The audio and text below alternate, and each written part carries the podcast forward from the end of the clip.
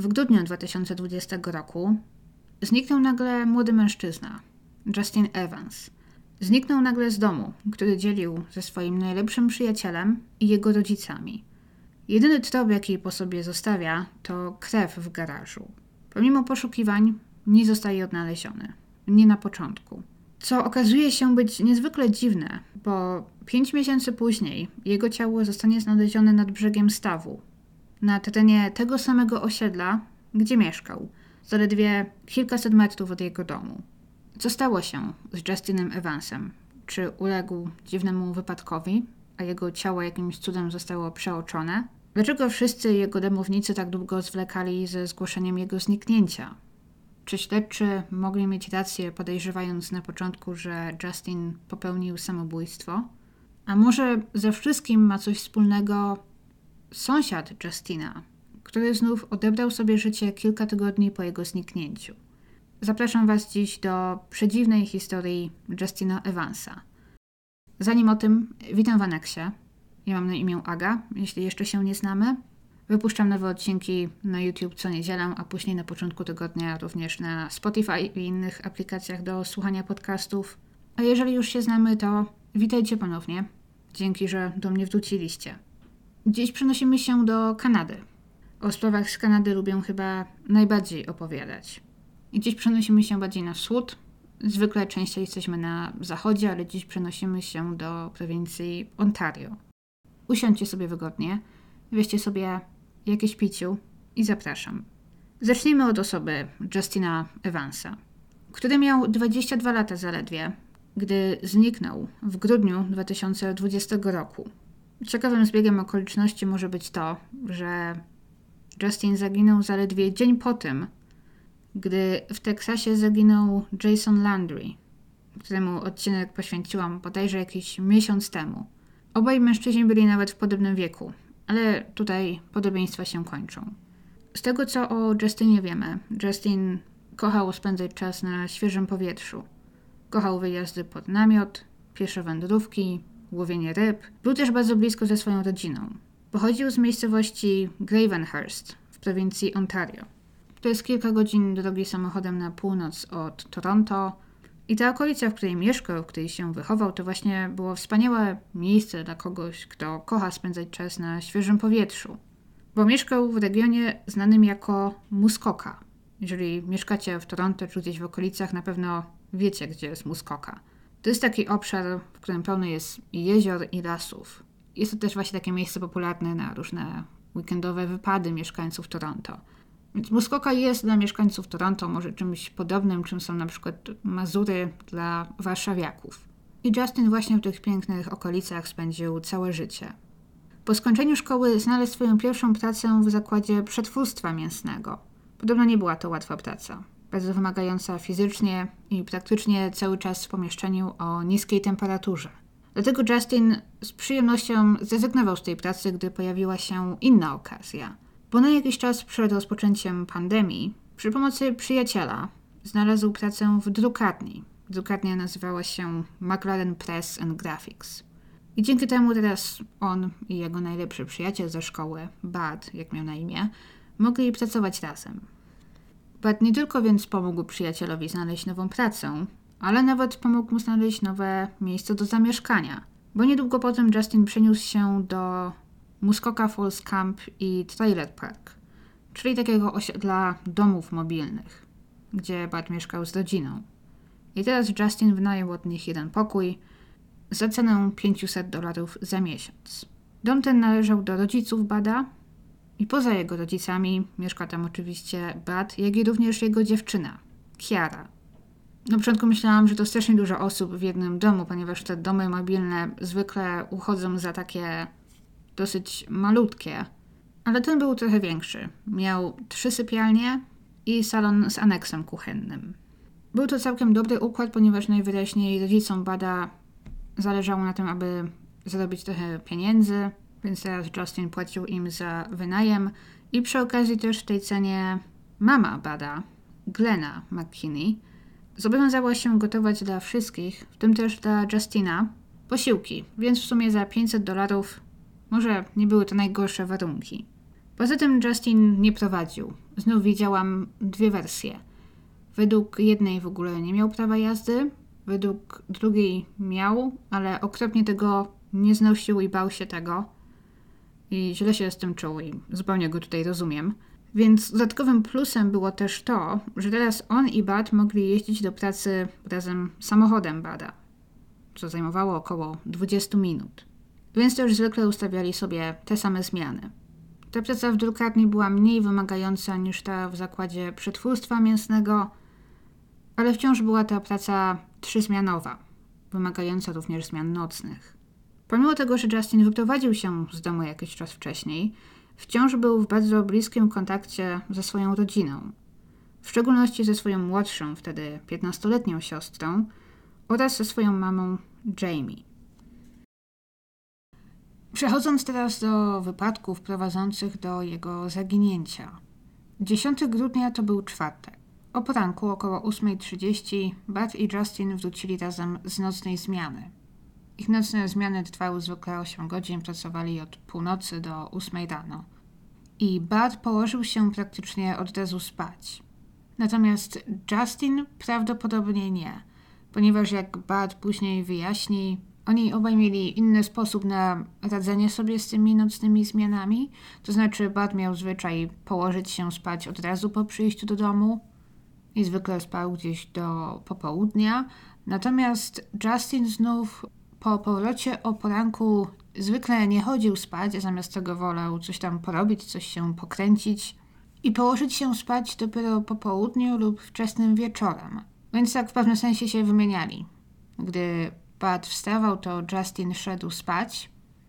Więc to też może trochę wyjaśnić, dlaczego na przykład Bada nie dziwi to, że później w ciągu dnia czy w ciągu następnego dnia nie widzi Justina. Zwyczajnie funkcjonowali w trochę innych trybach. Z tego jednak, co wiemy, nikt z domowników za bardzo nie widział Justina w czwartek. Możemy więc się jedynie domyśleć, że spędził większość czasu w swoim pokoju. Tak samo też nie jest zupełnie pewne, co dzieje się z Justinem następnego dnia, w piątek czy w sobotę, ponieważ też były jego dni wolne. Glena powie, że widziała go o poranku, prawdopodobnie około 8.30 do 9.00 i że zrobiła mu śniadanie. Natomiast później znów nie będzie w 100% pewna, czy to na pewno było w piątek, czy może w sobotę rano. Pojawią się sugestie, że może nawet zupełnie poplątały jej się dni i w istocie było to w czwartek, że zrobiła mu śniadanie po tym, gdy wrócił z pracy. I te pierwsze doniesienia mówiły o tym, że Justin prawdopodobnie zaginął w sobotę. Lecz są przesłanki, że coś mogło się wydarzyć już w piątek, ponieważ w piątek po południu, gdzieś na terenie ich osiedla, odbywało się małe przyjęcie z okazji czyichś urodzin. Na tę urodzinę też Justin był zaproszony, lecz nie przyszedł i nie odezwał się do solenizanta. Nie był to jednak chyba też powód do paniki z niczyjej strony w tamtym momencie, bo to też chyba była taka, powiedzmy, mała impreza z takimi trochę otwartymi zaproszeniami. To znaczy, kilku sąsiadów było zaproszonych i było to coś w stylu, wiecie, cześć sąsiedzie, robię urodziny w piątek, chcesz to wpadnij wieczorem na piwo, coś w tym rodzaju. Więc fakt, że Justin się nie pojawił, nie był aż tak dziwny, ponieważ to zaproszenie nie było szczególnie wiążące. I tutaj wszystko zaczyna mieszać się jeszcze bardziej, ponieważ znów Bud i Kiara zeznają, że widzieli Justina w sobotę o poranku. Więc to znów zupełnie zdawałoby się wykluczać to, że Justinowi mogło stać się coś w piątek, jeżeli w sobotę rano według nich był jeszcze cały i zdrowy. Oni tamtego dnia, jak powiedzieli, jechali do miasta na zakupy.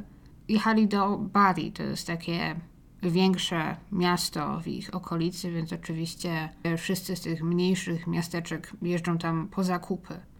A że właśnie zbliżały się święta, no to oczywiście miały to być takie głównie świąteczne zakupy.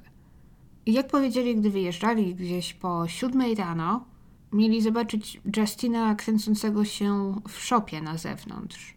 Justin im pomachał i to był ostatni raz, kiedy go widzieli. I może od razu poruszę też kwestię tego, że właśnie alibi i relacja Bada i Kiary są czasem poddawane wątpliwość. Według nich ten dzień przebiegł tak.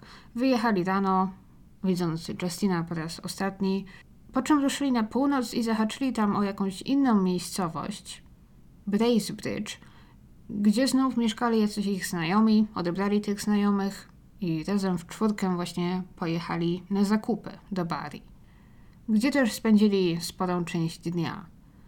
Po czym wrócili, przedtem też odwożąc tych znajomych do domu. Wrócili gdzieś późnym popołudniem, rozładowali samochód z zakupów. Nie jestem pewna, co dokładnie kupili. Mogę się jedynie domyślać, że pewnie były to prezenty dla rodziny czy przyjaciół. Nie były to chyba jednak zakupy ściśle jedzeniowe, powiedzmy, bo jak powiedzieli, niedługo potem raz jeszcze wsiedli do samochodu i pojechali do pobliskiego supermarketu. Wrócili prawdopodobnie około 19 i resztę wieczoru spędzili oglądając filmy, grając w gry komputerowe, jedząc przekąski, które kupili tego dnia. I jak powiedzą, wtedy już nie widzieli Justina. Mieszkał on w pokoju zaraz obok nich i z tego co wiadomo nawet go nie słyszeli.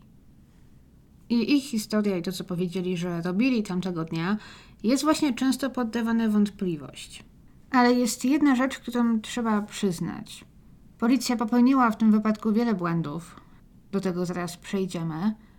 Ale od zaginięcia Justina upłynęły już ponad dwa lata. I do tego czasu nie pojawiła się żadna informacja, aby to ich sobotnie alibi, nazwijmy je, okazały się być w jakimś stopniu nieprawdą. Ponieważ w zasadzie potwierdzenie tego ich alibi nie jest aż tak trudne obecnie. Jeżeli na przykład mówią, że byli na zakupach, to należy sprawdzić, nie wiem, transakcje na ich kartach, sprawdzić, gdzie ich telefony logowały się do sieci. Do tego dochodzą też na przykład zeznania tych znajomych, z którymi mieli wtedy rzekomo być. Czy chociażby nagrania z kamer z tych sklepów, w których byli. Innymi słowy, gdyby faktycznie skłamali na temat tamtego dnia, to pewnie już byśmy o tym wiedzieli. Mimo tego, że policja popełniła szereg błędów, to było tutaj tak wiele sposobów na potwierdzenie ich słów, że osobiście uważam jednak, że to, co powiedzieli, jest w tym wypadku prawdą. Może z wyjątkiem tego, czy aby na pewno widzieli Justina w szopie tamtego poranka. No i właśnie, mówiąc o szopach, bo to też ma znaczenie. Tuż obok ich domu były dwie szopy, czy takie warsztaty powiedzmy. Jedna należała do rodziny Bada, w tej zwykle urzędował Ken, jego tata. A tuż obok była jeszcze druga, która kiedyś należała do ich sąsiada. Jednak teraz to Justin z niej korzystał. To podobno była taka historia, że tam wiele lat wcześniej stał jakiś dom, który spłonął w pożarze. I ten dom już dawno został zburzony, a jego właściciel przeprowadził się gdzieś indziej, natomiast na jego posesji dalej stała jakaś szopa właśnie z której on nie korzystał, której nie potrzebował i właśnie w zamian za to, że Justin tam zajmował się kawałkiem jego ziemi, sprzątał, kosił trawę i tak dalej, Justin po prostu mógł z tej jego szopy korzystać. I wykorzystywał ją właśnie do takich swoich małych projektów. Kupił tam jakiś stary motocykl, nad którym właśnie pracował, jak i miał również skuter śnieżny, na którym podobno uwielbiał w zimie jeździć to właśnie z tej szopy Justin prawdopodobnie zniknie. Jeżeli chodzi o sobotę, inną jedyną rzeczą, która może potwierdzać, że w sobotę wszystko z Justinem było jeszcze w porządku, jest to, że tamtego dnia po południu, dokładnie o 15.44, jego mama otrzymała od niego wiadomość tekstową. Bardzo krótką wiadomość, która była jedynie odpowiedzią na pytanie, jakie wcześniej mu wysłała, a mianowicie w jakie dni w czasie świąt Justin będzie miał wolne? Odpowiedź była krótka i prosta. Jeszcze nie wiadomo. Coś, czego nie jestem pewna, a w zasadzie mnie interesowało, to to, czy faktycznie grafik Justina na święta nie był jeszcze znany i tym samym, czy wiadomość jest zgodna z prawdą, czy może Justin znał już swój grafik. Ponieważ, jak właśnie później powie jego mama, ona wierzy, że to prawdopodobnie nie Justin wysłał tę wiadomość. Podobno nawet sposób, w jaki została napisana, nie był za bardzo w jego stylu. Wiecie, każdy z nas ma taki swój styl, charakter odpisywania na wiadomości. Także czasem, gdy na przykład widzimy jakąś wiadomość, to nawet gdy nie widzimy nadawcy, to potrafimy już powiedzieć, kto ją napisał. Jest to taki prawie że nasz cyfrowy charakter pisma. I jego mama właśnie twierdzi, że ta wiadomość w ogóle nie była w jego stylu. Ale jednocześnie biorąc pod uwagę, że była to bardzo krótka wiadomość, chyba wciąż nie można powiedzieć na pewno. Tutaj jednak jakikolwiek kontakt z Justinem się kończy. Czy zakładamy, że to on wysłał tę wiadomość, czy nie? Sobota 15.44 to jest ostatni kontakt z nim, czy z jego telefonem. Nikt nie widział i nie rozmawiał z nim od tamtego czasu. I Justin zwykle w sobotę jadał ze wszystkimi obiad czy kolację w domu Bada, ale tym razem właśnie się nie pojawił. Z jednej strony oczywiście był dorosły i tylko wynajmował tam pokój i mimo, że znał się z Badem i z jego rodziną od dziecka, nie musiał oczywiście nikomu się tłumaczyć ze swoich planów. To nie było tak, że oni się tutaj w jakiś sposób nim opiekowali. I Bud właśnie później powie, że przyszło mu do głowy, że Justin musiał nagle zmienić zdanie i pojechać na obiad, na kolację do swoich rodziców, którzy mieszkali niedaleko. Justin oczywiście nie miał samochodu, no ale zawsze mógł przecież ktoś go odebrać. Jedną dziwną jednak rzeczą w jego nieobecności było to, że ponieważ Glena zwykle gotowała i dla niego posiłki, to Justin często czuł się w obowiązku jednak dać im znać, przynajmniej Glenie dać znać, że na przykład nie będzie go w domu, aby ta oczywiście niepotrzebnie dla niego nie gotowała. Dlatego w przeszłości, gdy właśnie na przykład jechał na weekend do swoich rodziców, czy spędzał gdzieś dzień czy noc poza domem, to zwykle dawał jej znać. Więc to było pierwsze odstępstwo od normy. Resztę wieczoru, tak i cała niedziela znów upływają bez kontaktu z Justinem. Ale znów z niedzieli na poniedziałek w nocy. Pat i Justin mieli zmianę w pracy.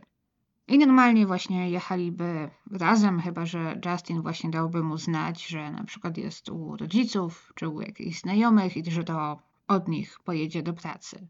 Ale znów Justin się nie odzywa. Bad nie mogąc nawiązać z nim kontaktu, w końcu po prostu wsiada w samochód i jedzie do pracy sam. Sądził, że może natknie się na przyjaciela w pracy, ale Justin nie pojawia się. Nie przyjeżdża do pracy i nie daje wcześniej znać, że jest chory czy że nie może się pojawić. Nikt więc nie ma z nim kontaktu. Padek powie wtedy chyba nie pomyślał, że Justinowi mogło przydarzyć się coś złego. Sądził może raczej, że przyjaciel po prostu postanowił na jakiś czas olać obowiązki i pojechał do rodziców czy do znajomych. Zwłaszcza, że podczas poprzedniej zmiany, przed tym, gdy czekało ich kilka dni wolnego, Justin żartował właśnie, że ma trochę dość pracy i marzy o bardzo długim weekendzie. Bart chyba pomyślał, że może Justin faktycznie te swoje marzenia spełnił. Wrócił do domu w poniedziałek rano, tak jak zawsze. I jak powie, próbował dodzwonić się wtedy do Justina, ale nikt nie odebrał. Poszedł więc spać, tak jak zawsze, a po przebudzeniu, po południu, znów próbował nawiązać z nim kontakt. Ale znów cisza. Gdy dowiedział się, że i Glena nie widziała Justina, w końcu poszedł do jego pokoju a tam znalazł większość jego rzeczy. Jego portfel, ładowarkę do telefonu oraz taką torbę, którą zwykle właśnie brał ze sobą, jeżeli jechał spędzić gdzieś noc poza domem.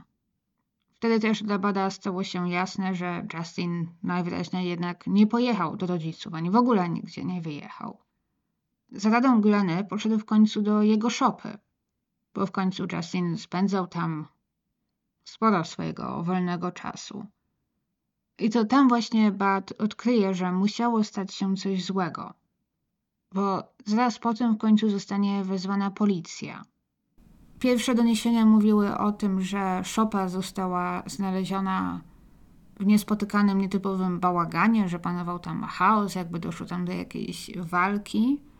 Ale teraz wiemy, że to nie zupełnie o to chodziło. Bo jak się okaże, na ziemi Tuż obok motocykla, nad którym Justin wcześniej pracował, znaleziono duże ilości krwi. Analiza DNA później potwierdzi, że jest to krew Justina.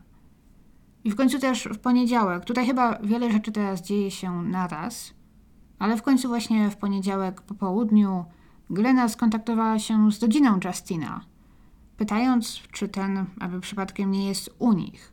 I teraz domyślam się, że Glena mogła do nich zadzwonić jeszcze zanim Bud poszedł sprawdzić szopę, albo zadzwoniła do nich właśnie w momencie, gdy on do tej szopy poszedł. Ponieważ mam wrażenie, że gdyby Glena już w tamtym momencie wiedziała o tej krwi, to jej telefon do rodziny miałby troszkę inny charakter. Bo wtedy ona jedynie zadzwoniła, pytając, czy go widzieli, czy nie. Mama Justina, Jamie, która jest bardzo aktywna w tej sprawie, wypowiadała się wielokrotnie, udzielała wywiadów, jak również publikowała wiele postów w internecie, opowiadając tę historię ze swojego punktu widzenia, pomogła nam trochę zrozumieć niektóre kwestie. I teraz chciałabym zacytować fragment jej wypowiedzi, czy oświadczenia, które umieściła w internecie. Lekko je skróciłam i sparafrazowałam, ponieważ jest bardzo długie i aby też nie powtarzać wielu informacji. Ale brzmi ono mniej więcej tak.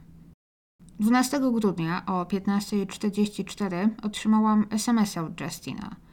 Wtedy nie wiedziałam jeszcze, że to będzie jego ostatni kontakt ze mną. Nie mam niestety pewności, że ta wiadomość została wysłana przez niego. Tamtego dnia byłam w Buddy na zakupach. Kupowałam mu prezenty na święta. Nigdy już nie było mi dane moich podarować. W poniedziałek, 14 grudnia, otrzymałam telefon od mojej mamy – około 16.20.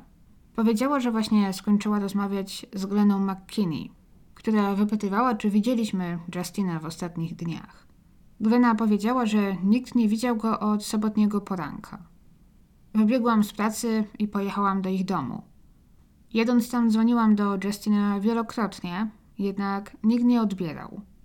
W końcu zadzwoniłam do Gleny, która ze śmiechem powiedziała mi, że nikt nie widział go od soboty i że w ogóle to nie w jego stylu, aby tak od. Wyjechać gdzieś i nie dać im znać. Nakazałam jej od razu rozłączyć się i zadzwonić na policję. Gdy przyjechałam na ich osiedle, poinformowano mnie, że policja już tu jest. Polecono mi, abym nie zbliżała się do szopy Justina, ponieważ mogę zatrzeć potencjalne dowody. Gdy czekaliśmy, McKinneyowie opowiedzieli mi swoje historie – Powiedzieli, że w sobotę rano Bart i Ken pojechali na zakupy do Barry. Nie wspomnieli wtedy o tym, że też Kiara z nimi pojechała. Mimo, że znów obecna wersja głosi, że to Kiara pojechała z Badem do miasta, a Ken nie. Glena wyjaśniła, że widziała Justina idącego do swojej szopy około 8.30 rano w sobotę. Od tego czasu nikt go nie widział. Jednak czekali aż do poniedziałku, aby podnieść alarm. Wyjaśnili, że sądzili, że Justin był u nas, lecz jednocześnie przyznali, że to zupełnie nie w jego stylu pojechać gdzieś, nie informując ich o tym wcześniej. Justin był dobrym, uczciwym, rozsądnym młodym mężczyzną. Nigdy nie wyjechałby, nie mówiąc nikomu o tym. Zwłaszcza, że Glena gotowała obiady i kolacje specjalnie dla niego. Do tego Justin jeździł z Badem do pracy – gdy nadeszła niedzielna noc. Żadna z osób, z którymi mieszkał, nie wysiliła się, aby zapukać do jego drzwi, mimo że Justin nigdy wcześniej nie opuścił pracy bez zapowiedzi. W poniedziałek rano Bud wrócił z pracy. Dalej, ani śladu po Justinie, a Bud idzie spać. Nikt nie szukał mojego syna. W końcu poniedziałkowym popołudniem Glena zaproponowała, aby Bud sprawdził pokój Justina, drzwi do którego znajdowały się zaraz obok drzwi do pokoju Bada. Po czym Glena też zasugerowała, aby poszedł sprawdzić w szopie. Bad zastał w niej bałagan, co w końcu spowodowało, że Glena zadzwoniła do mojej matki. Mój syn dalej jest zaginiony. McKinneyowie, jak i Kiara i jej znajomi bardzo agresywnie reagowali na jakiekolwiek pytania w ich kierunku, czy na pytania podważające ich historię mimo że czekali prawie trzy dni, aby podnieść alarm. Koniec cytatu. Przede wszystkim Jamie jest zupełnie zdezorientowana, ale też podejrzliwa w stosunku do rodziny, z którą jej syn mieszkał. Zwróciła uwagę na rozbieżność w ich historiach. Bo najpierw powiedziano jej, że to Bud i jego ojciec Ken pojechali w sobotę na zakupy, Później jednak okazało się, że to Buddy i Kiara pojechali, a Ken został w domu. O tym, dlaczego tak jeszcze zaraz.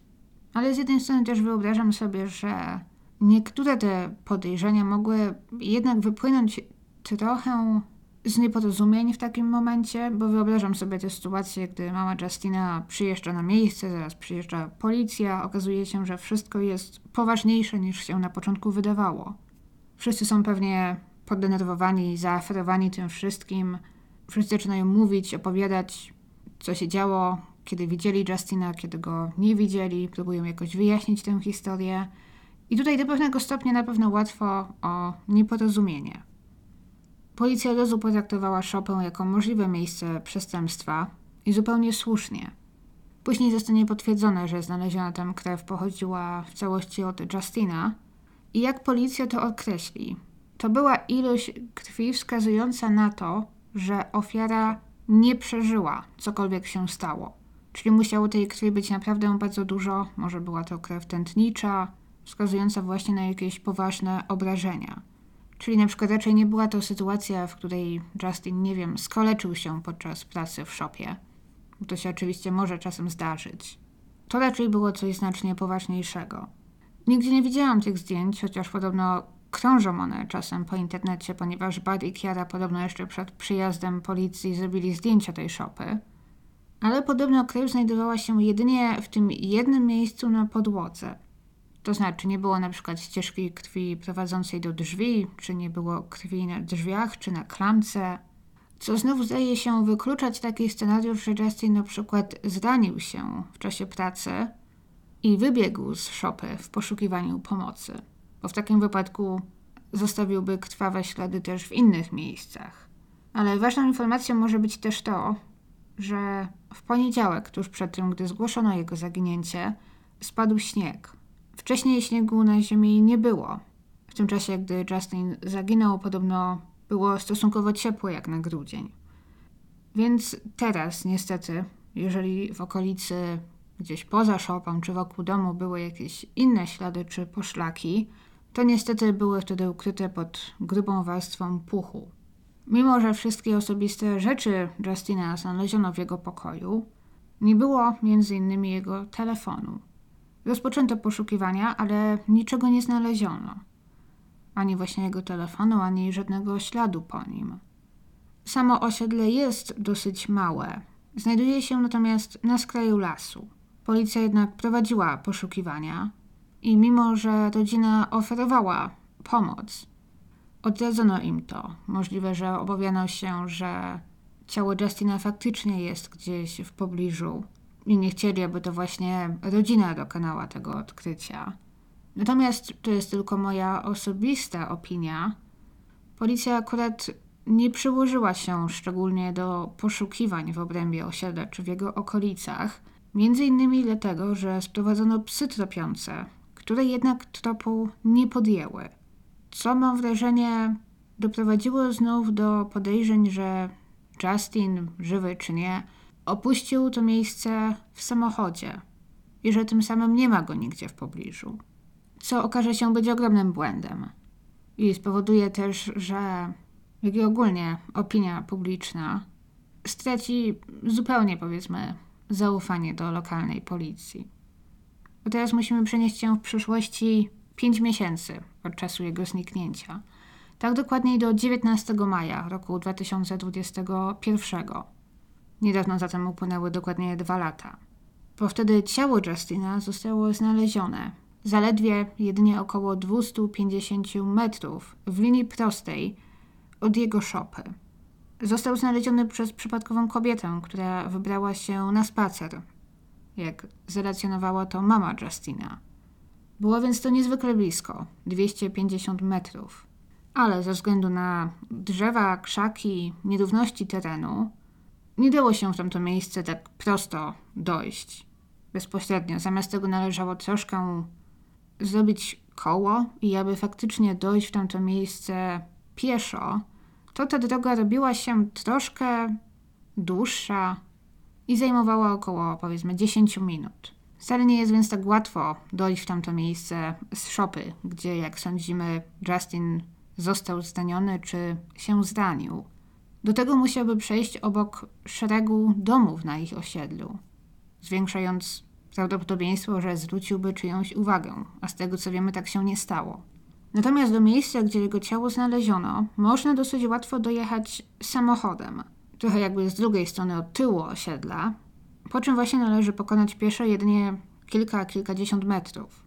I właśnie fakt, że ciało Justina zostało tam jakoś przetransportowane samochodem, zdaje się również pasować do faktu, że psy tropiące właśnie nie podjęły tropu. Ale wciąż wybór akurat tego miejsca na porzucenie jego ciała, jeżeli tak się stało, jest dosyć nietypowe. Nie powiedziałam jeszcze, ale Justin został znaleziony na brzegu takiej niewielkiej sadzawki. Na tyłach tego osiedla znajdowała się właśnie sadzawka otoczona drzewami. Widziałam zdjęcia, nagrania z tego miejsca. Jest to w zasadzie bardzo ładny, uroczy zakątek. I jest tam kilka szlaków, które nie są może jakoś szczególnie często uczęszczane, ale w szczególności wiosną, w lecie mieszkańcy osiedla okoliczni i mieszkańcy chodzą tam czasem na spacery. Więc ma też sens, że to akurat w maju, gdy zrobiło się trochę cieplej, Justin został znaleziony. No ale właśnie tutaj pojawia się pytanie, jeżeli faktycznie przetransportowano go tam w samochodzie, to dlaczego porzucać go tak blisko osiedla, gdzie stałoby się, zostałby wcześniej czy później odnaleziony? Dlaczego, jeżeli ktoś już ma dostęp do samochodu, nie zebrać go gdzieś dalej? Zwłaszcza, że ich region obfituje w lasy, w jeziora, znacznie trudniej dostępne czy rzadziej uczęszczane miejsca. Jedynym wyjaśnieniem tutaj zdaje się być może panika. Ktokolwiek to zrobił, jeżeli to zrobił, niekoniecznie myślał logicznie w tamtym momencie. Lub może nie miał czasu, aby pojechać gdzieś dalej. I jak powiedziałam, Justin został znaleziony nad brzegiem takiej niewielkiej sadzawki, stawu. Jego ciało było częściowo zanurzone w płytkiej wodzie. Nie zostało to chyba oficjalnie potwierdzone przez policję, ale prawdopodobnie była to jego głowa i ramiona, które znajdowały się pod wodą. Wiemy, że leżał na plecach, twarzą do góry. Jego głowa i ramiona, które znajdowały się w wodzie, uległy również znacznie większemu rozkładowi niż reszta ciała. Na ciele były też ślady działalności dzikich zwierząt, co znów oczywiście też trochę utrudnia ustalenie przyczyny i okoliczności jego śmierci. Nie sposób też powiedzieć, kiedy dokładnie Justin zginął i czy jego ciało leżało tam od czasu jego zniknięcia, czy może zostało przeniesione tam trochę później. Nie jest jednak niewykluczone, że znajdował się w tamtym miejscu właśnie od grudnia. Raport z autopsji podkreślił, że właśnie niemożliwym jest ustalenie przyczyny jego śmierci z powodu znacznego rozkładu ciała. Jeżeli na przykład Justin doznał obrażenia głowy czy klatki piersiowej, teraz już mogło nie być po tym śladu. Natomiast raport podkreśla też, że nie można zupełnie wykluczyć m.in. utonięcia. Czyli innymi słowy, Justin mógł wciąż być żywy, gdy wylądował w tamtym miejscu i po prostu utonął. Wiemy jednak, że na jego kościach nie znaleziono żadnych widocznych obrażeń, jak ślady po nożu na przykład, czy ślady od kuli, co oczywiście nie oznacza, że takich nie było, na przykład na tkankach, które już zdążyły się rozłożyć.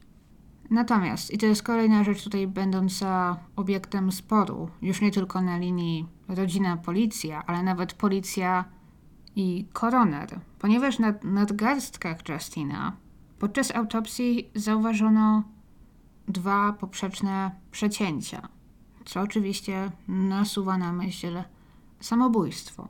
Jednak okazały się być one tak powierzchowne, że gdzie naruszyły ścięgna, tak nie przecięły żadnych istotnych żył.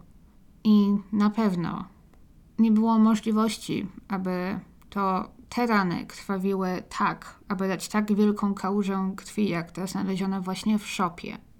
Te rany same w sobie nie były zagrażające życiu.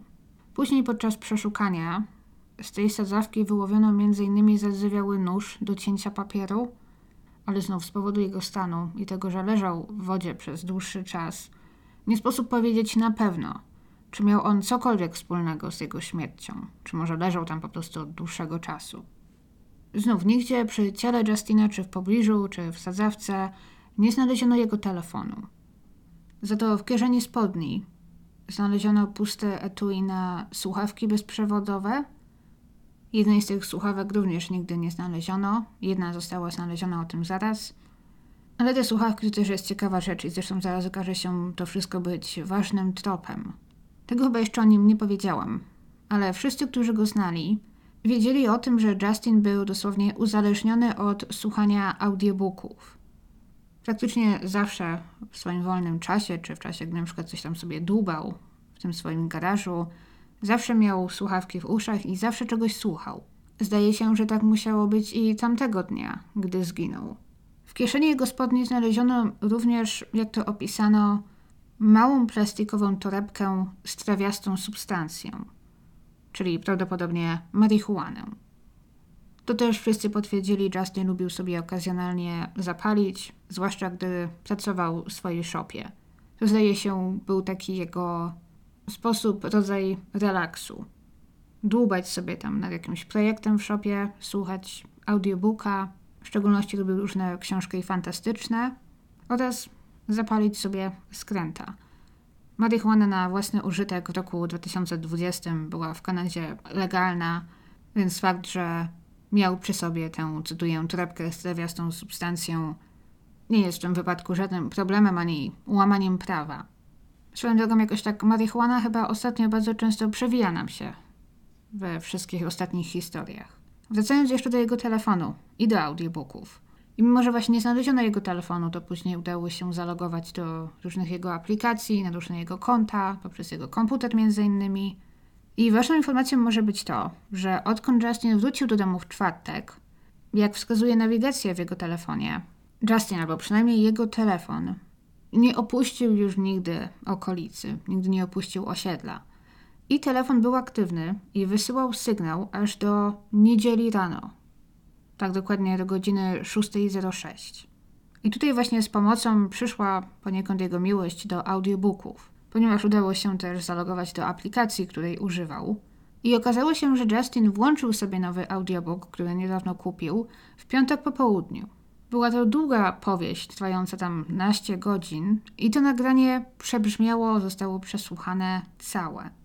Po czym automatycznie włączyła się kolejna książka, która była w kolejce. I te książki tak właśnie grały, podobno włączając się automatycznie, bez niczyjej ingerencji, aż do niedzieli rano. Gdy ta aplikacja została wyłączona, możliwe, że to w tamtym momencie telefon się wyłączył ponieważ padła w nim bateria albo znajdował się gdzieś na zewnątrz i po prostu uległ zniszczeniu. I ma to w zasadzie sens, że audiobook Justina, jeżeli słuchał go przez słuchawki, grał dalej nawet i po jego śmierci. Bo wiem, że jeżeli sobie właśnie czegoś słuchamy poprzez słuchawki na Bluetootha i nagle na przykład jedną z nich wyjmiemy, ale nie włożymy do tego pudełeczka, do tej ładowarki, to to nagranie będzie dalej grało. I mimo, że na początku wszędzie były powtarzane informacje, że słuchawek Justina nie znaleziono w ogóle, to te najnowsze mówią jednak o tym, że jedna z bezprzewodowych słuchawek została znaleziona w szopie. Gdzieś domyślam się w pobliżu tej kałuży krwi, a druga nie została nigdy znaleziona. Co może też nie jest takie dziwne, biorąc pod uwagę, jak malutkie one są, jeżeli wpadła gdzieś w trawę, czy nawet do wody w tej sadzawce – tu mogła zostać bardzo łatwo przeoczona. Nie wiem w jakim były kolorze, ale w szczególności jeżeli nie były białe, tylko w jakimś ciemniejszym kolorze, no to w zasadzie już po ptokach wyobrażam sobie, że dosyć trudno byłoby je teraz znaleźć. Ale znacznie łatwiej chyba byłoby znaleźć albo zauważyć telefon. Nawet jeżeli na przykład został wrzucony do tej sadzawki. A z tego co obecnie wiemy, telefonu nigdy nie znaleziono.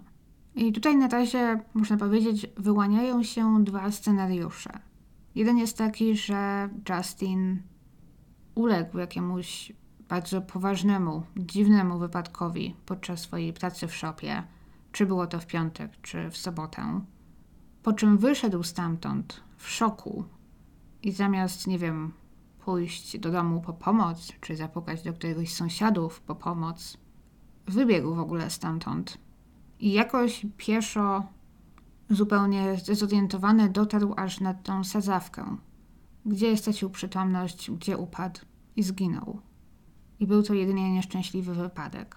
To, co jednak tutaj nie pasuje, to to, że po pierwsze nikt go nie widział, nikt go nie zauważył, a Justin jednak musiałby minąć chyba około 10 innych domów mobilnych, aby dojść do miejsca, gdzie został znaleziony. Oraz również nigdzie po drodze, jeżeli zakładamy, że tak mocno krwawił, przed tym, gdy spadł śnieg w poniedziałek, nie wiemy nic o tym, aby gdzieś po drodze ktoś zauważył jakieś ślady krwi na przykład. Do tego jeszcze te nacięcia na nadgarstkach. Do tego raczej nie doszło w wyniku wypadku. Inna możliwość jest taka, że ktoś zakradł się do szopy w momencie, gdy Justin pracował nad motocyklem i gdy miał słuchawki w uszach i mógł ewentualnie nie usłyszeć, że ktoś wszedł do szopy. Ktoś zakradł się do niego może od tyłu i zrobił mu krzywdę. Zrobił coś, co spowodowało taki rozlew krwi w tamtym miejscu. To, co mi przychodzi do głowy, to to, że mogły to być obrażenia szyi, karku, może górnej klatki piersiowej. Ponieważ te faktycznie mogłyby mocno krwawić, a ponieważ zostały znalezione w wodzie i ta część ciała była mocno rozłożona, to właśnie nie sposób powiedzieć, czy były tam jakieś obrażenia, czy nie. Wyobrażam sobie, że w trakcie tego wszystkiego jego słuchawki gdzieś wypadły mu z uszu. Ktokolwiek zrobił mu krzywdę, zabrał telefon, nieświadomy tego, że te audiobooki dalej grały i że grały tak do niedzieli. I co ciekawe, ktokolwiek był w posiadaniu tego telefonu, jeżeli faktycznie był, to ta osoba musiała zostawić gdzieś tam ten telefon, albo przynajmniej nie opuszczać ich osiedla, przynajmniej właśnie do niedzieli rano, kiedy to telefon przestał działać. Ponieważ wiemy z nawigacji w telefonie, że od czwartku do niedzieli telefon nigdy osiedla nie opuścił. No ale właśnie, ten włączony audiobook, włączony w piątek po południu i słuchany bez przerwy i bez ingerencji, aż do niedzieli, wskazuje znów na to, że Justinowi musiało coś stać się w piątek i że wszyscy, którzy twierdzą, że widzieli go w sobotę, chyba nie mówią prawdy. Wiem, że czasem tak jest, że można sobie na przykład włączyć audiobook, podcast, muzykę i słuchać czegoś wieczorem i nawet zasnąć w tym i słuchać tego całą noc, bo ja też tak czasem robię. Ale zdaje się, że jednak w którymś momencie ten audiobook zostałby zapauzowany, chociaż na jakiś czas. Bo ciężko sobie wyobrazić, że nie wiem, Justin w piątek wieczorem zrobił wieczorną toaletę, przygotował się spać, ani razu tego audiobooka nie pauzując, poszedł tak z nim spać. Obudził się w sobotę rano i słuchał dalej, ani razu go nie zatrzymując. Znów, jeżeli prawdą jest zeznanie Gleny, że to w sobotę rano go widziała i zrobiła mu wtedy śniadanie, to tym bardziej pewnie Justin w tamtym momencie nie słuchałby audiobooka. Przynajmniej zatrzymałby go na jakiś czas, bo wiemy, że się widzieli i że rozmawiali krótko. Dlatego też wydaje mi się, że Glena raczej na pewno widziała Justina w piątek rano albo nawet w czwartek rano. Wszystko więc wskazuje na to, że jednak Justinowi coś musiało stać się w piątek po południu lub wieczorem. Na to wskazują właśnie nigdy nie zatrzymane audiobooki grające od tego czasu, czy też fakt, że Justin nie pojawił się na tej imprezie urodzinowej w piątek wieczorem, co też było raczej niezupełnie tak znów typowe dla niego, żeby zostać zaproszonym i się nie pojawić, nie uprzedzając wcześniej. I to właśnie sprowadza się do tego, że zeznania Bada Kiary o tym, że widzieli go w sobotę rano, zupełnie nie mają sensu. Biorąc to wszystko pod uwagę, rodzina Justina była bardzo mocno rozczarowana, gdy po znalezieniu ciała Śledczy zasugerowali, że podejrzewają samobójstwo w jego wypadku. Po autopsji natomiast biuro koronera wydało znów opinię przeciwną. Zaznaczyli, że biorąc pod uwagę właśnie wszystkie inne wskazówki i dowody, jak to, co znaleziono w szopie, powód śmierci Justina nie jest możliwy do ustalenia, ale przestępstwo nie może zostać wykluczone. Zupełnie zrozumiała jest złość i rozczarowanie rodziny Justina – bo najpierw policja nie jest w stanie znaleźć jego ciała. Nie przykładają się nawet do poszukiwań. Mimo, że Justin zostanie znaleziony praktycznie wciąż w obrębie ich osiedla, na jego skraju. A później ignorują wiele poszlak i dowodów i zaczynają sugerować samobójstwo. Z czym na szczęście innymi koroner i lekarz zajmujący się autopsją nie zgodzili się. I jeżeli założymy, że Justin w takim razie zginął w jakichś innych okolicznościach, i tutaj to mogło być morderstwo, to mogła być śmierć może w wyniku jakiegoś wypadku czy zaniedbania, co ktoś później próbował ukryć, to kto mógł mieć w tym udział? Oczywiście najbardziej podejrzani na chwilę obecną wydają się Bart, Kiara i trochę też Ken.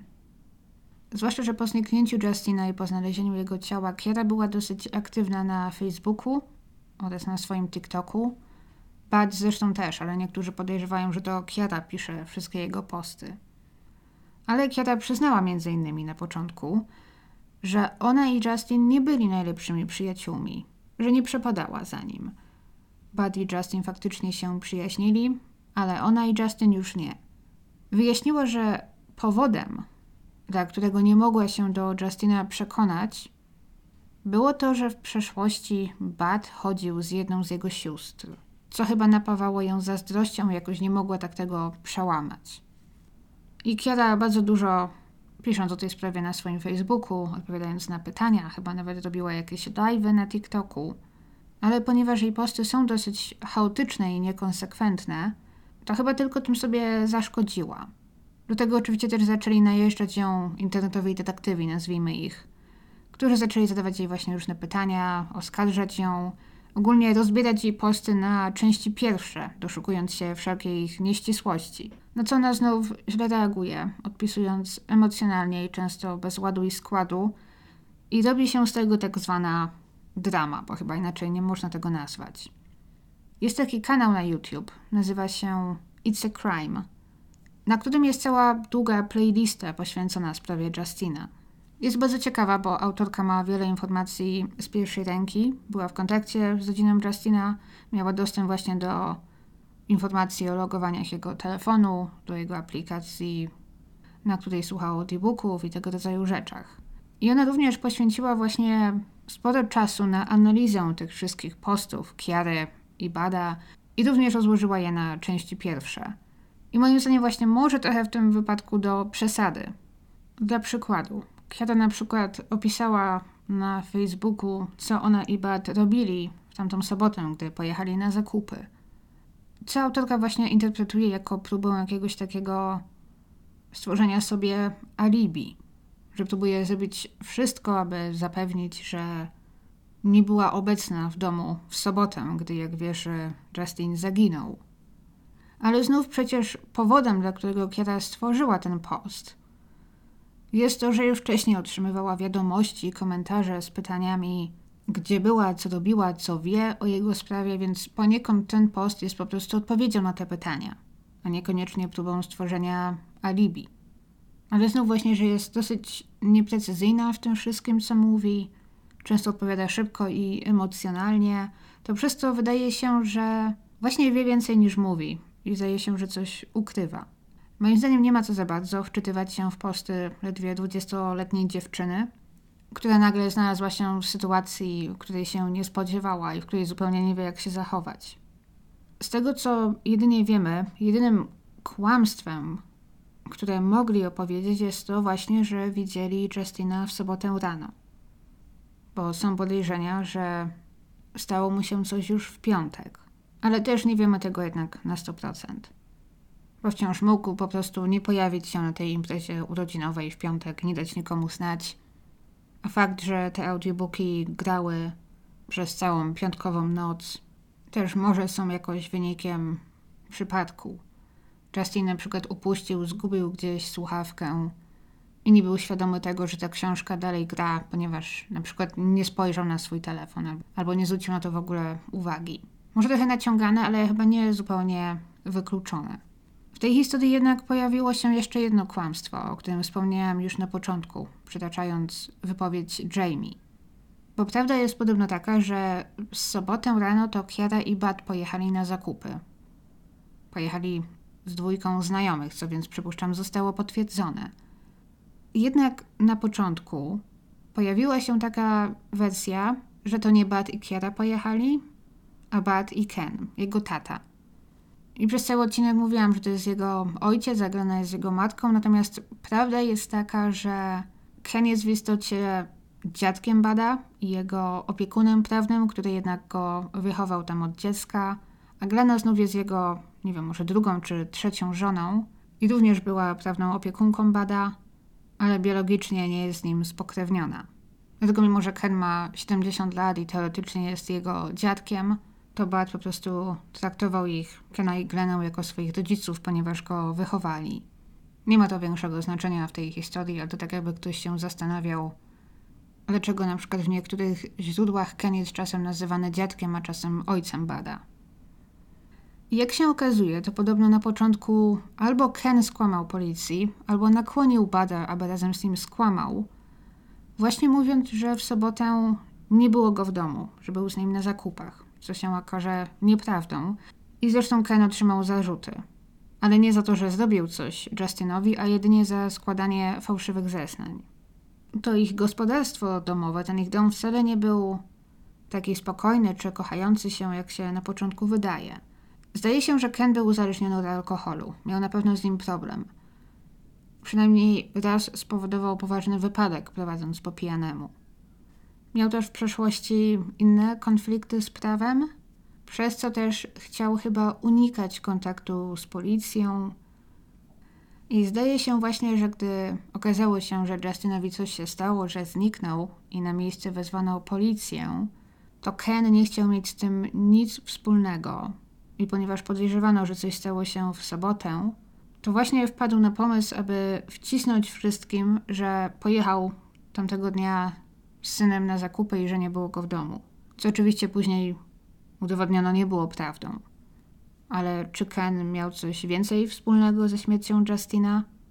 Czy może tylko chciał po prostu uniknąć konfliktu z policją? Ciężko powiedzieć.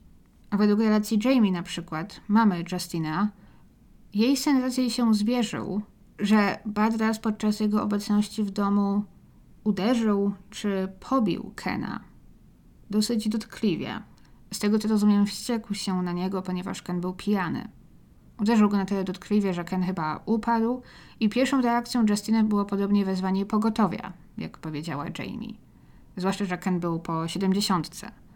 Ale na początku wszyscy domownicy, co Justina zdziwiło, nie chcieli wzywania pogotowia. W szczególności Ken go nie chciał. Właśnie przez jego problemy z prawem.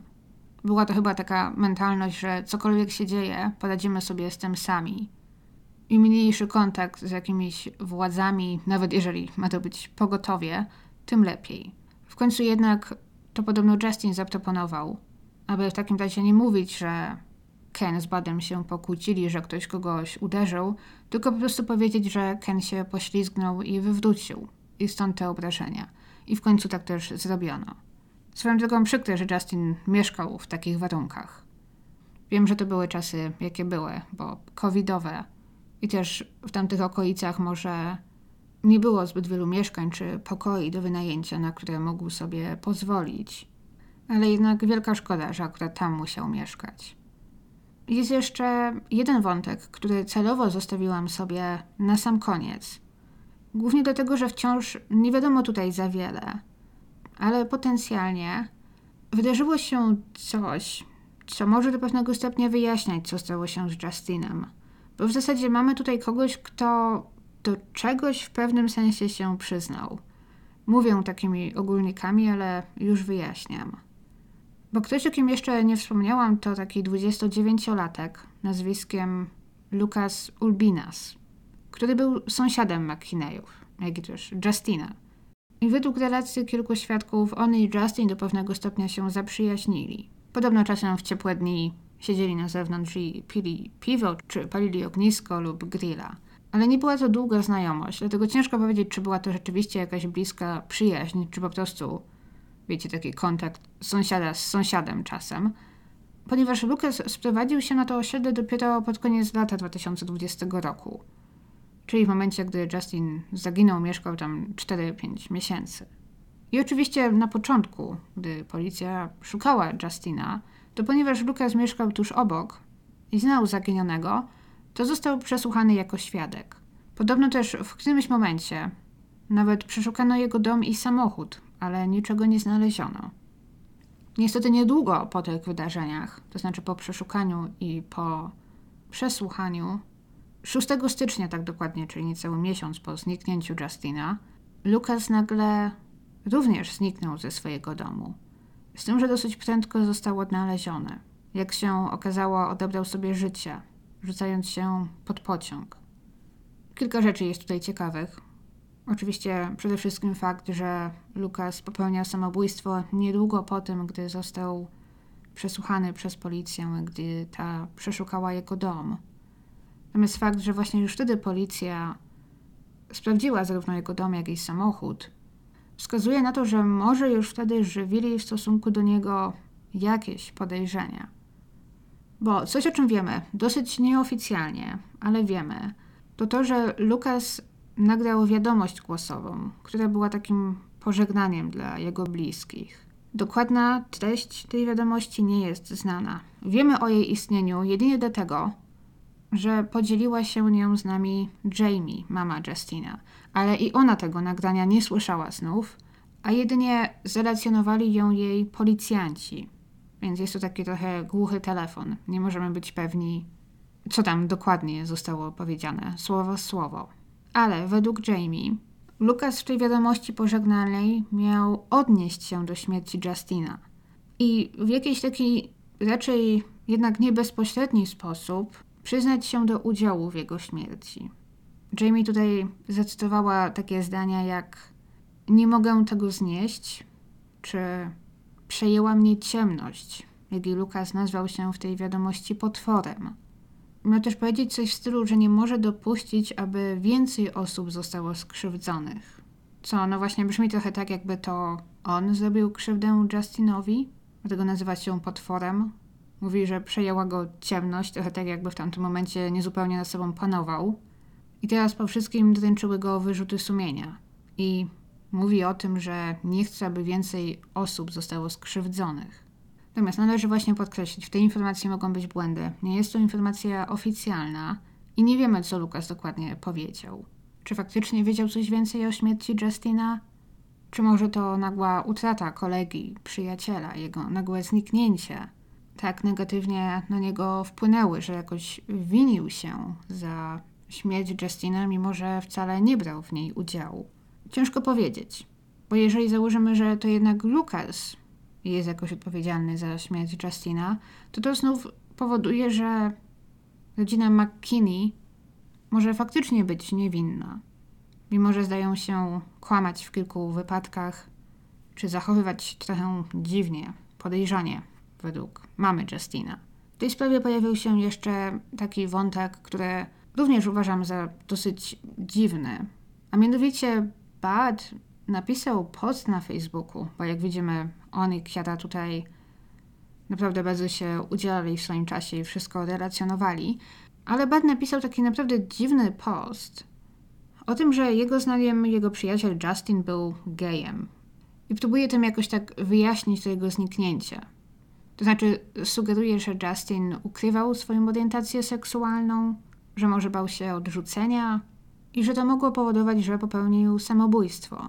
Ciężko powiedzieć, co motywowało tutaj Badem, aby po pierwsze roztrząsać tak życie prywatne swojego zaginionego przyjaciela na forum publicznym.